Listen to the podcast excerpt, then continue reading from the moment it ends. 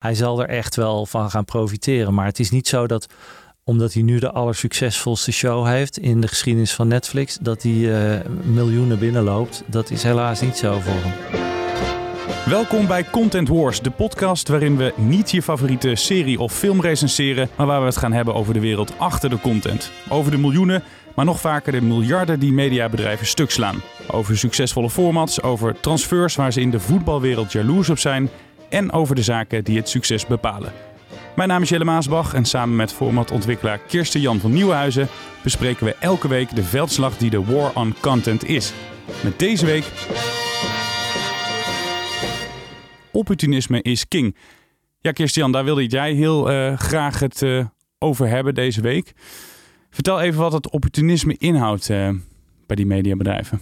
Nou ja, wat je ziet natuurlijk bij uh, televisiemakers en bij uh, streamingpartijen zoals Netflix, dat noemen we de streamers, even zodat iedereen het weet, is dat eigenlijk niemand weet natuurlijk wat de volgende hit gaat worden. Dus als er ergens een hit ontstaat, dan duiken ze er allemaal op en dan wil iedereen een soort van afleiden, afgeleide daarvan hebben of iets wat er een beetje mee te maken heeft. En dat gebeurt ook met de makers. Dus als je als maker iets heel succesvols maakt, dan wil iedereen dat hebben. Of iedereen wil het volgende hebben van je. En dat geldt ook voor regio's. Dus nu op dit moment is Zuid-Korea heel erg hot. Maar elke zoveel jaar is dat uh, weer een andere regio. En heb je het over Squid Game. Ja, daar heeft iedereen het over. Binnen een maand 100 miljoen keer bekeken. Best bekeken Netflix-serie ooit.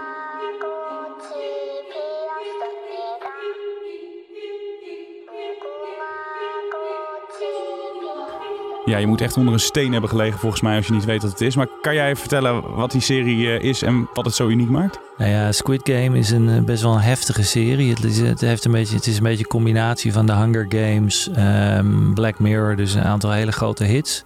Het gaat over een aantal mensen die een grote schuld hebben en mee gaan doen aan een spel waar ze veel geld kunnen winnen. Alleen wat ze dan nog niet beseffen is dat uh, de verliezers van die spellen, en het zijn hele simpele kinderspelletjes, die worden omgebracht. Dus, uh, en uh, redelijk expliciet. Dus dat is uh, een enorme hit, inderdaad. En uh, wat je nu ziet, maar goed, Zuid-Korea, grappig genoeg, dit is dan een, wat je noemt scripted, dus een, een, een, een, fantastisch verhaal. Maar uh, er zijn al twee hele grote tv-formats ook uit Zuid-Korea die heel succesvol zijn. En welke zijn het dan? dat is The Masked Singer en I Can See Your Voice. Die komen allebei uit Zuid-Korea? Allebei uit Zuid-Korea en zijn mega hits. Uh, dus er werd, werd, al, al de laatste paar jaar heel erg naar Zuid-Korea gekeken. En alles wat uit Zuid-Korea kwam, werd al uh, gekocht. Dus het, uh, dat is al, het is al iets wat een paar jaar gaande is. Wat ik net onlangs las, is dat er volgend jaar 400 miljoen euro in Zuid-Korea wordt gepompt door Netflix alleen. Dus die gaat 400 miljoen investeren in de Zuid-Koreaanse content. Dus dat is echt wel serieus geld. Dus dit is echt voorbeeld van uh, ons thema. Opportunisme is king. Ja. Je hebt een hitje. Uh, I Can See Your Voice, The Masked Singer. En nu dan Squid Game. Ja. Dus je hebt wat succesjes uit een land. En nu wil iedereen dus zo'n Zuid-Koreaanse serie kopen. Dus ja. als je daar werkt, kan je nu cashen. Ja, absoluut. En als je nu met Zuid-Koreaanse ideeën komt, dan heb je grote kans dat mensen het in ieder geval gaan opteren. Of het een, een ruk-idee is of niet, maakt eigenlijk niet zoveel uit. Want iedereen, niemand wil het volgende succes missen. Dus, en dat zie je eigenlijk al jarenlang in de contentwereld. Dat voorbeelden in Scandinavië met de Scandinoirs noemen ze dat. Voorbeelden in Israël, wat op een gegeven moment in was. Japan is een tijdje in geweest. En dan koopt iedereen wat daar vandaan komt. Uh, in de hoop dat ze de volgende hit hebben. Maar 400 miljoen, enorme zak met geld die Netflix uh, uittrekt. Daar zitten dus heel veel mislukkingen in waarschijnlijk. Ja. Die ze gaan aankopen. Absoluut. Bij de, het meest is meest mislukt. Dat is, kijk, het, uh, er is maar een heel klein percentage wat lukt. En de grap is, de Maas Singer, wat 3,5 miljoen kijkers had, geloof ik. Een van de grootste hits van de laatste jaren in Nederland. Uh, is jarenlang aangeboden. Niemand wilde het hebben. Iedereen vond het een raar format met verklede BN'ers in pakken en zo. Totdat op een gegeven moment één land het ging maken. Ik meen even naast Zuid-Korea. Ik meen Amerika, maar correct me if I'm wrong. En plotseling zagen ze, en die deed het met een heel veel production value, dus het zag er prachtig uit. En toen zag iedereen in één keer, oh, dit is best wel leuk dit eigenlijk. En toen begon het te lopen. En nu is het wereldwijd een gigantische hit op, op de, de meest grote uh, zenders. En ik zie ook in mijn eigen vak dat allerlei Zuid-Koreaanse formats langskomen die mensen opteren. het meeste is helemaal niks. Ja, en de luisteraar kent je nog niet. Ik ken je een beetje, dus ik heb wat uh, voorinformatie. Jij stond mede aan de wieg van Big Brother. Uh, that's a question heb je verzonnen, dus jij weet hoe dat gaat. Je hebt zo'n format, dat ga je verkopen. Um, die bedenker van Squid Game, hoeveel zou hij hiermee verdienen, denk je? Nou, dat is het, het jammere eigenlijk voor hem is, is dat vooral Netflix er heel rijk van wordt. Want als hij het niet voor Netflix had gemaakt, was hij enorm binnengelopen. En als hij ook maar een deel van de rechten had gehouden, dan had hij heel veel geld verdiend. Uh, Netflix heeft een ander businessmodel waarbij Netflix upfront heel veel of veel meer geld betaalt dan de traditionele zenders om iets te maken. Krijg je dus best wel een pak geld. En je krijgt meer vrijheid om het te maken. Dus ze bemoeien zich er minder mee. Het enige wat ze daar tegenover stellen is dat ze alle rechten willen. Dus op het moment dat het een hit wordt, ben je een beetje dief van eigen eh, portemonnee. En zie je dus inderdaad dat het meeste geld allemaal langs je gaat naar Netflix toe. Dat neemt niet weg dat deze persoon die dat heeft eh, bedacht echt wel uh, nu er later van kan cashen. Want Netflix zal zeker komen voor zijn volgende show. Nu kan hij allemaal shit gaan verkopen, wat je ja, net zei. Ja, absoluut. En, en ik denk dat als Netflix niet komt, dat er andere streamers zijn die hem heel veel geld zullen bieden om de volgende uh, hitserie te maken. Dus hij zal er echt wel van gaan profiteren. Maar het is niet zo dat omdat hij nu de allersuccesvolste show heeft in de geschiedenis van Netflix, dat hij uh, miljoenen binnenloopt. Dat is helaas niet zo voor hem. En hoe lang kan zo'n hype duren? Want we worden natuurlijk hier de afgelopen jaren doodgegooid met The Killing, Borgen. Ik heb het ook allemaal gezien. Die Scandinavische thrillers. Dat duurt nu wel een tijdje. Hoe lang kan zo'n Zuid-Koreaanse hype gaan duren? Ja, kijk, die, die landelijke hypes of die regio-hypes, wat je dan ziet, is die, dat is in het verleden altijd een paar jaar geweest. Dus, um, en dat is om de paar jaar is het weer een ander land of een andere regio dat redelijk hot is. Um, Scandinavië is daarin iets anders. Hè? Scandinavië begon met The Killing en The Bridge, wat uh, twee fantastische series waren. Inmiddels al ruim tien jaar oud. En die hebben ervoor gezorgd dat er een enorme vraag ontstond naar uh, crime-series. De Scandinoirs worden die genoemd. Uh, vanuit Scandinavië. Zowel Denemarken, Zweden als Noorwegen, zelfs Finland. Allemaal maken ze Scandinoirs. Al tien jaar lang. En het is nog steeds een hype. En het is nog steeds dat als jij een goede scenario schrijver bent... of een goede, zelfs een goede cameraman of regisseur... en je bent bereid om naar Scandinavië te gaan, kan je daar meteen beginnen voor echt een heel goed salaris. Want ze hebben gewoon te weinig mensen. En dat is al heel lang zo. En als wij daar naartoe gaan, dan hebben we gelijk werk. Nou ja, ik misschien niet, maar uh, jij kan er zo in de bak Nou ja, ik, ik ben geen, uh, geen uh, scriptschrijver en ik, en ik doe meer in formats. Dat is dan net anders dan, dan crime series. Hè. Scripted is anders dan formats. Um, dus ja, voor mij geldt het ook niet helemaal, moet ik zeggen. Maar als jij goede, goede scenario schrijver bent en je bent een beginnend, maar wel talentvol, ja, dan kan je zo daar gaan werken. Dan heb je 100% meteen werk. En ook cameramensen. En ook, want uh, dat zie je overigens nu ook in Nederland. Komt ook een beetje door de corona en covid. Dat uh, er is nu zoveel werk. Er is zoveel vraag naar content. Ook in Nederland. Dat er overal tekorten zijn. Ook goede eindredacteuren, goede cameramensen, goede regisseurs. Die lopen in Nederland ook die kunnen heel veel, uh, nou, verdienen valt wel mee, maar wel veel, ze hebben wel veel werk op het moment. Er is eigenlijk te weinig goede mensen zijn er. En nog eens een ander land uh, waar je het over wilde hebben, waar we niet gelijk aan denken. Een beetje net als Zuid-Korea denk je ook niet gelijk als eerste aan. Israël. die had ook een, een paar hitjes, hè? Ja, Israël had op een gegeven moment een serie die iedereen waarschijnlijk kent. En dat is Homeland, althans de Amerikaanse versie. In het Israëlisch was, heette het Prisoners of War. En dat was een wereldhit. Nog steeds een hele goede serie ook. En dat maakte Israël in één keer heel hot. En um, het grappige wat de Israëli's toen deden, is die werd ook heel veel vraag kwam er naar hun, uh, hun televisieformats. Alleen in Israël heb je twee grote zenders, Keshet en Reshet. En die hebben een heel groot marktaandeel. Um, en wat Keshet deed, en uh, dat was heel slim, is dat um, zij zorgde voor een nieuw format. En die programmeerde zij vlak voor de grote televisiebeurs, MIP. En die is altijd in april en in oktober. En volgens, uh, dus ze programmeerden hem altijd een maand voor april of een maand voor oktober. Dus in maart of in september probeerden ze, uh, programmeerden ze de lancering van een nieuwe serie. Vervolgens gingen ze die serie enorm promoten in Israël. En, zodat, en ze hadden al een groot marktaandeel, zodat die nieuwe serie 50, 60 procent marktaandeel kreeg. En dan gingen ze naar de MIP toe met een nieuwe serie waarvan ze zeiden: We hebben die nieuwe hit, 50, 60 procent marktaandeel, die moeten jullie kopen. En toen opportunisme is king. Heel de wereld kocht dat format. Want zij zei, ja, als bij jullie 50, 60 procent scoort, dan... Uh, Omdat ze een eigen speeltuin hadden. En, ja, uh... ja, dus dat deden ze heel slim. En dat hebben ze een paar keer gedaan. En ze verkochten daarmee formats die meteen wereldwijd werden geopteerd. En het gaat dan echt om miljoenen. Uh, en dat Was het dan ook slecht programma? Niet altijd. er zaten echt wel formats bij, maar eigenlijk geen één format uh, heeft echt uh, de wereldtop gehaald. Uh, maar Homeland natuurlijk wel. En nog steeds zijn er wel echt wel een aantal Israëlische series die het heel goed doen. En Israël is ook wel echt wel bekend als een goede, goed, goede scripted land waar, waar veel goede series vandaan komen. Ja, dichter bij huis. Het grootste succes van eigen bodem. Big Brother. In de jaren negentig de buis op uh, gegaan. Jij stond aan de wieg van, uh, van Big Brother. Ik zei het net al, want je werkte toen bij Endemol. Um, wat gebeurde er uh, daarna toen Big Brother een succes werd? Het ging de hele wereld over. Wat gebeurde er daarna met jullie formats van Endemol?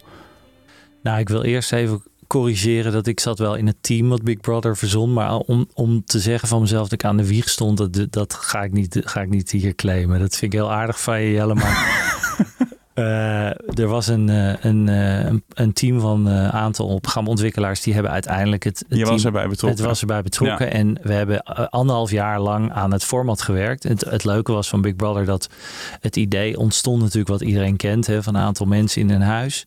Alleen aan het begin werd gezegd, ja, maar wat moeten ze dan elke dag doen? Dus we moeten elke dag iets verzinnen wat ze moeten gaan doen. Dus we hebben meer dan een jaar gewerkt aan een heel script en wat ze allemaal konden doen aan spelletjes en dit soort Nee, je was er wel echt bij betrokken. Dus dat was, maar het grap was, toen het op zender ging, ging die hele Bijbel die we hadden geschreven, waar zoveel werk, die ging zo het raam uit. Want als je het kan herinneren waar Big Brother over ging, ze deden helemaal niks. Ze zaten gewoon in een huis. Dus alle spelletjes die we bedacht hadden, alles wat er uitgedacht was, is later in seizoenen daarna wel teruggekomen. Maar in de eerste seizoen helemaal niet. Dus we hadden ook zoiets van, nou, wie, gaat wie gaat dit nou leuk vinden? Hè? Want ze zitten alleen maar zich te vervelen grotendeels. En het was natuurlijk een wereldhit. Maar jouw vraag was, wat gebeurde er daarna inderdaad? En uh, nou ja, inderdaad, uh, Big Brother werd grappig genoeg uh, eerst geweigerd door SBS. Of geweigerd, afgewezen bedoel ik. En um, Veronica ging het toen uitzenden. En er werd een hele grote hit. Vervolgens kwam SBS bij ons. En we willen zoiets als Big Brother. Dus meteen werden er allerlei variaties. Toen hebben we de bus bedacht. Uh, met Shaggy. Misschien ja. sommige mensen ja. kennen je nog wel. en jij bent de zon. Dat was die andere jongen die won, geloof ik. Met zijn naam even kwijt. Ja, die heeft uh, Job, hè? Die Job. heeft van zijn uh, geld heeft hij een kroeg gekocht. En ja, ja. die is gelijk gestopt. Ja, dus we hebben de bus toen bedacht. maar alle andere formats die wij bedachten. En uh, die werden allemaal in één keer werd gewoon 60% van de dingen die wij aanboden werd verkocht. En wat nou, zat er dan tussen? Joh, dat was van alles en nog wat. Echt van dating shows tot en met. En heel veel daarvan in een normale situatie waar hadden we waarschijnlijk niet verkocht. Maar het, iedereen wilde alles van ons hebben. Het was zo erg dat eigenlijk Animal ook op dat moment in de jaren vanaf 99, 2000 te weinig goede mensen had om al die formats goed te maken. Omdat er gewoon, het liep als een trein toen. Jullie slachtoffer van jullie eigen succes eigenlijk. Nou ja, dat is natuurlijk, dat gebeurt dan dat je ziet van, ja, ze willen alles hebben. Dus je gaat maar dingen bedenken en het wordt verkocht. Maar heel veel, ja, plat gezegd, shit werd als hit aan de man gebracht. Ja. eigenlijk wel. Ik bedoel. nou, ik ben benieuwd wat jij dan uh, hebt uh, bedacht. Of wat, wat verkocht is eigenlijk. Joh, ik, uh, ik moet dus, ik zou, dat is, we hebben het hier over 1999, hè, dus dat is 22 jaar geleden. Nee, ja, god, ik, ik onthoud vooral alleen maar de successen, niet de, de Sommige dingen wil je failures. vergeten. Je bedenkt, kijk, als je, als je formatontwikkelaar bent, dan bedenk je bijna alles wat je bedenkt gaat niet op de buis, helaas. En ook heel veel dingen mislukken. Dus uh, uh, ja, dat is nou eenmaal zo, dat hoort erbij. Dus je weet ook nooit wat een hit wordt. Je hebt soms wel een goed gevoel ergens over. Maar bij Big Brother hadden we echt, de meeste mensen hadden echt niet het idee dat dat een wereldhit zou gaan worden. Die zo lang zou blijven lopen ook. Nog steeds, ja. ja. Nog steeds op de buis, hè. De, ja, dat is ongekend. In, in landen. Dus, en het heeft een genre uh, uh, gestart. Hè. De, de, reality TV was daarvoor eigenlijk ook niet. Er was wel een beetje. Je had een had, aantal formats die wel succesvol waren. Waaronder The Real World op MTV. Wat de ouderen onder ons misschien wel kennen. Maar voor de rest was er, was er niet zo'n groot genre als reality TV. TV en dat, dat heeft Big Brother wel gestart. Dus daarin is, is John de Mol natuurlijk wel echt iemand geweest die de business veranderd heeft voor goed. Ja, en die heeft daarna nog wat uh, succesjes uh, gehad. Ik noem bijvoorbeeld een, uh, een Voice. Ja. doen wij als Nederland nog een beetje mee wereldwijd? Want Big Brother was natuurlijk een mega succes. En de Mol succesvol. Daarna natuurlijk nog verkocht. Maar als je kijkt naar de formats die hier in Nederland worden verzonnen... doen wij wereldwijd nog een beetje mee? Jawel, ik denk het wel. Ik denk dat het niet meer zo groot is. Zeker de laatste tien jaar is het echt wel lastiger geworden. De Voice is ook al tien jaar oud. Daarvoor had je Deal or No Deal, wat ook een Nederlands format is van Dick de Rijk. Uh, wat ook echt een, een heel groot format wereldwijd is. En je nog steeds op de buis ook. Uh, maar het is uh, echt wel lastiger geworden. En eh, een groot deel van de, van de eer komt John de Mol wel toe hoor, daarin. Want hij is wel degene geweest die altijd heel veel risico's neemt. Mm En uh, veel van die wereldhits komen gewoon bij hem vandaan. Er wordt nog steeds echt wel naar Nederland gekeken. Nederland zit nog steeds wel in de top 5. Wat heel knap is natuurlijk voor zo'n klein landje. In uh, wereldwijd. Dus er wordt altijd met hele veel ogen naar Nederland gekeken. Naar de formats die wij brengen. Maar ik kan niet zo 1, 2, 3 een format opnoemen wat echt heel succesvol is geweest de laatste tien jaar.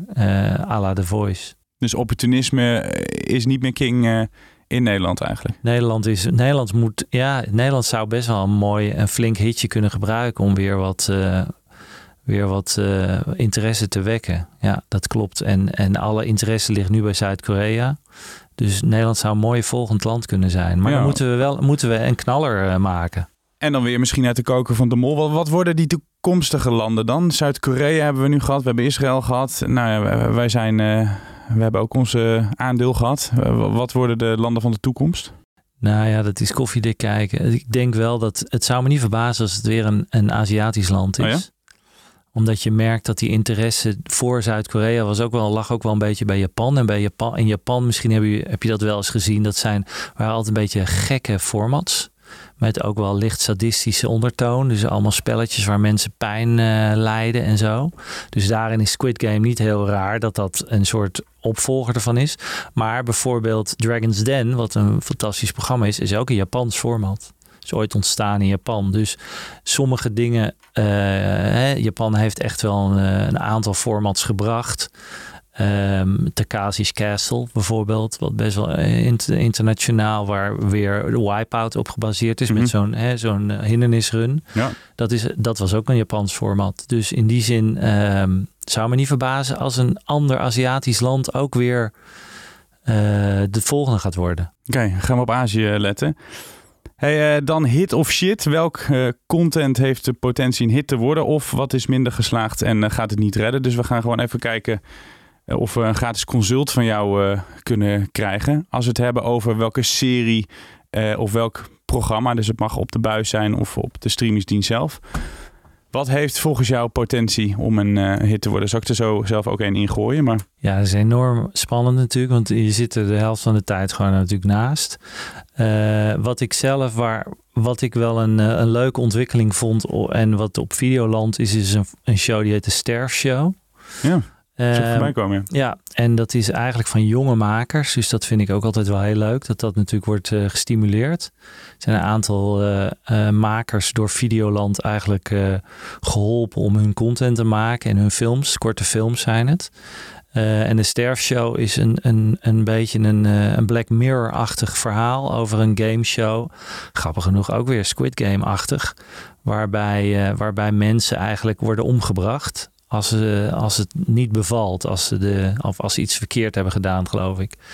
Um, je zit wel goed in de liquidaties dus, Dus dat vinden mensen allemaal leuk. En uh, uh, dus ik, het zou mij niet verbazen. Volgens mij doet dat het best wel goed bij. Uh, bij ik, krijg, ik krijg geen cijfers van Videoland, maar ik heb het idee dat dat best wel aanslaat. Maar in Nederland. Dus misschien is dit wel weer het format waar we het over hadden, ja. hè? wat internationaal kan gaan. Ja, nou ja, wie weet. je merkt wel een bepaalde trend hè, van uh, best wel heftige ideeën met, met mensen die doodgaan en zo. Dat vindt men toch leuk om te zien. Scandinoirs natuurlijk is daar weer, hè, ook met dooien. En, uh, maar uh, nou ja, goed, de sterfshow, wat ik heel leuk vind, en daarom hoop ik ook dat het gaat werken, is dat jonge talenten, jonge talentvolle filmmakers kansen krijgen op Videoland. Dat lijkt me alleen maar goed voor de Nederlandse industrie ook. Ja. Ga ik toch voor het grote geld, uh, voor Netflix, uh, lekker origineel, maar zo'n Scandinois waar je het over hebt. Rebecca uh, Martinson heet die serie. En het staat, het staat nergens in lijstjes. Een beetje ergens in de krochten van Netflix.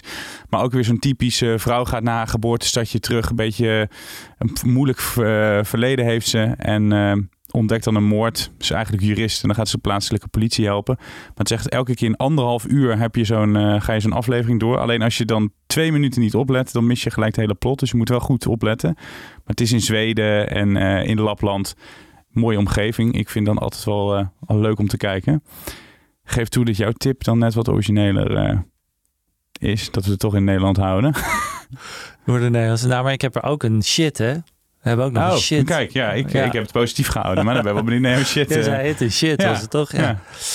De shit is, uh, is ook van Videoland. Dus ik, ik, doe een beetje een up en een down van Videoland. Goed, en dat is namelijk gebaseerd op een hit, wat vroeger een grote hit was, Take Me Out.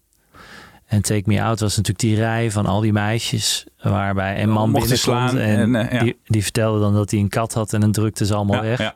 Dat vond ik altijd een hele leuk format eigenlijk. Ik weet ook, ik ken de makers en die hebben de grap het ooit eens met mannen geprobeerd. Met 30 mannen en dan kwam een mooie meid oplopen. En toen bleek dat, dat het maakte niet uit wat ze zeiden. Die mannen drukten gewoon niet af. Dus dat, hè, ze zei van ik ben seriemoordenaar en dan blijven ja. ze nog staan. Dus dat werkte niet met mannen. Dus uiteindelijk hebben ze met vragen gedaan. Maar ze hebben nu een nieuwe versie bij, uh, bij uh, Videoland. Uh, en dat heet Take Me Out Mother's, Mother Knows Best. En dan staan de moeders van uh, de meisjes staan daar. En die ja. drukken dan af, omdat ze dan iemand moeten vinden voor hun dochter. En dat vind ik, ik, ik, vind, ik vind het gewoon niet werken. Dus dat is iets wat ik niet begrijp. Ik had gedacht toen ik het las dat die moeders daar samen met hun dochters zouden staan. Dus dat een van de twee kan drukken. En dat als moeder dan drukt, dat die dochter zegt: Wat doe je nou? Ik vond hem wel leuk. Ja. Weet je wel, of omgekeerd. En dat die moeder zegt, maar dat is een hele leuke man. Waarom druk je nou? Dat doen ze dus niet. Dus misschien gaan ze dit nu volgend seizoen doen. En dan, nou ja, goed, dan... Uh, dan moet je een factuurtje sturen. Stuur ik de ja. factuur wel. Maar goed, ik kan me niet voorstellen dat ze er niet over na hebben gedacht. Maar op een of andere manier vind ik dat ze helemaal het principe van het format... Wat stom. Dus dan sta je daar, dan moet je eigenlijk indruk maken op je toekomstige schoonmoeder. Ja, en, en wat je dus nu ook ziet bij afleveringen is dat die meiden dan achteraf hebben, die moeder heeft iemand uit, dan zegt die meid, ja, ik vond er niks aan. Dus ik ga niet met hem uit. Dus dan hebben we een hele show zitten kijken. En dan uiteindelijk moeder heeft er een uitgekozen. En dan zegt die meid, ja, boeien, ik, ga, ik, ik vind het niks. Dus ik snap niet zo goed waarvoor ze er hebben gekozen, eerlijk gezegd. Dus dat shit is misschien een beetje. En ik beledig misschien de makers, waarvan ik ongetwijfeld een paar zal kennen. Maar uh, het is, uh, het is. Ik vind het jammer. Ik vind het jammer. Uh, ik kan voorlopig niks meer verkopen, Videoland. nou, blij dat jij alle negativiteit nu op het einde gooit. Nee, ik, ik, wil jouw shit ook horen, ja, Jelle. Die heb ik dus niet. ik ben altijd heel positief. Ik krijg altijd te horen dat ik iets te, te aardig ben. je hebt helemaal niks gezien waarvan jij zegt dat werkt niet. Ik heb geen. ja, ik heb. Um, ik heb gewerkt voor RTL, dus nu kan ik het wel zeggen. Ik vind heel veel dingen op Videoland vind ik eigenlijk niet zo, uh, niet ja, zo fijn. Dat terwijl jij wel nog de doelgroep bent. Ja. ja. Hè, tot een jaar of 40 denk ik. Ja. 15, 40 is echt hun belangrijkste doelgroep. Maar ja, ja nou goed. Uh. Dus ik was altijd meer fan van, uh, van Netflix. Dus als ik dan uh, bij RTL Z op de redactie stond en dan moest het over een nieuwe serie hebben. Of dan wilde ik altijd over Netflix praten. En dan kreeg ik wel eens te horen van heb het ook eens een keer over Videoland, want het is van ons. En dan ging ik expres nog meer over Netflix praten. Omdat ik het allemaal wat professioneler vond. Maar het is nu, de laatste tijd is het inderdaad wat beter. En de sterfshow ben ik wel heel benieuwd naar. Ik heb gewoon huiswerk voor de volgende, Christian. Dat ik gewoon een, een shit onderwerp uh, ja, ik wil de volgende keer shit van je horen. Ja, want ik kan niet alleen maar negatief zijn. Hè? Ik gooi mijn eigen ramen naar mijn kind. Ik ben daar heel goed in vaak. Maar ik heb je al uh, gebombardeerd tot de medebedenken van Endemol. Hè? Dus dat is goed. Om dit format dan weer te verkopen. Dat ik iemand van... Uh, ja, nou ja, goed. Ik heb ook Videoland geplucht met de sterfshow. Dus ik hoop dat ze dat dan wel ja. weer waarderen. Nou, ik hoop dat ze volgende week ook weer uh, luisteren. Nou, was je content met de Content Wars?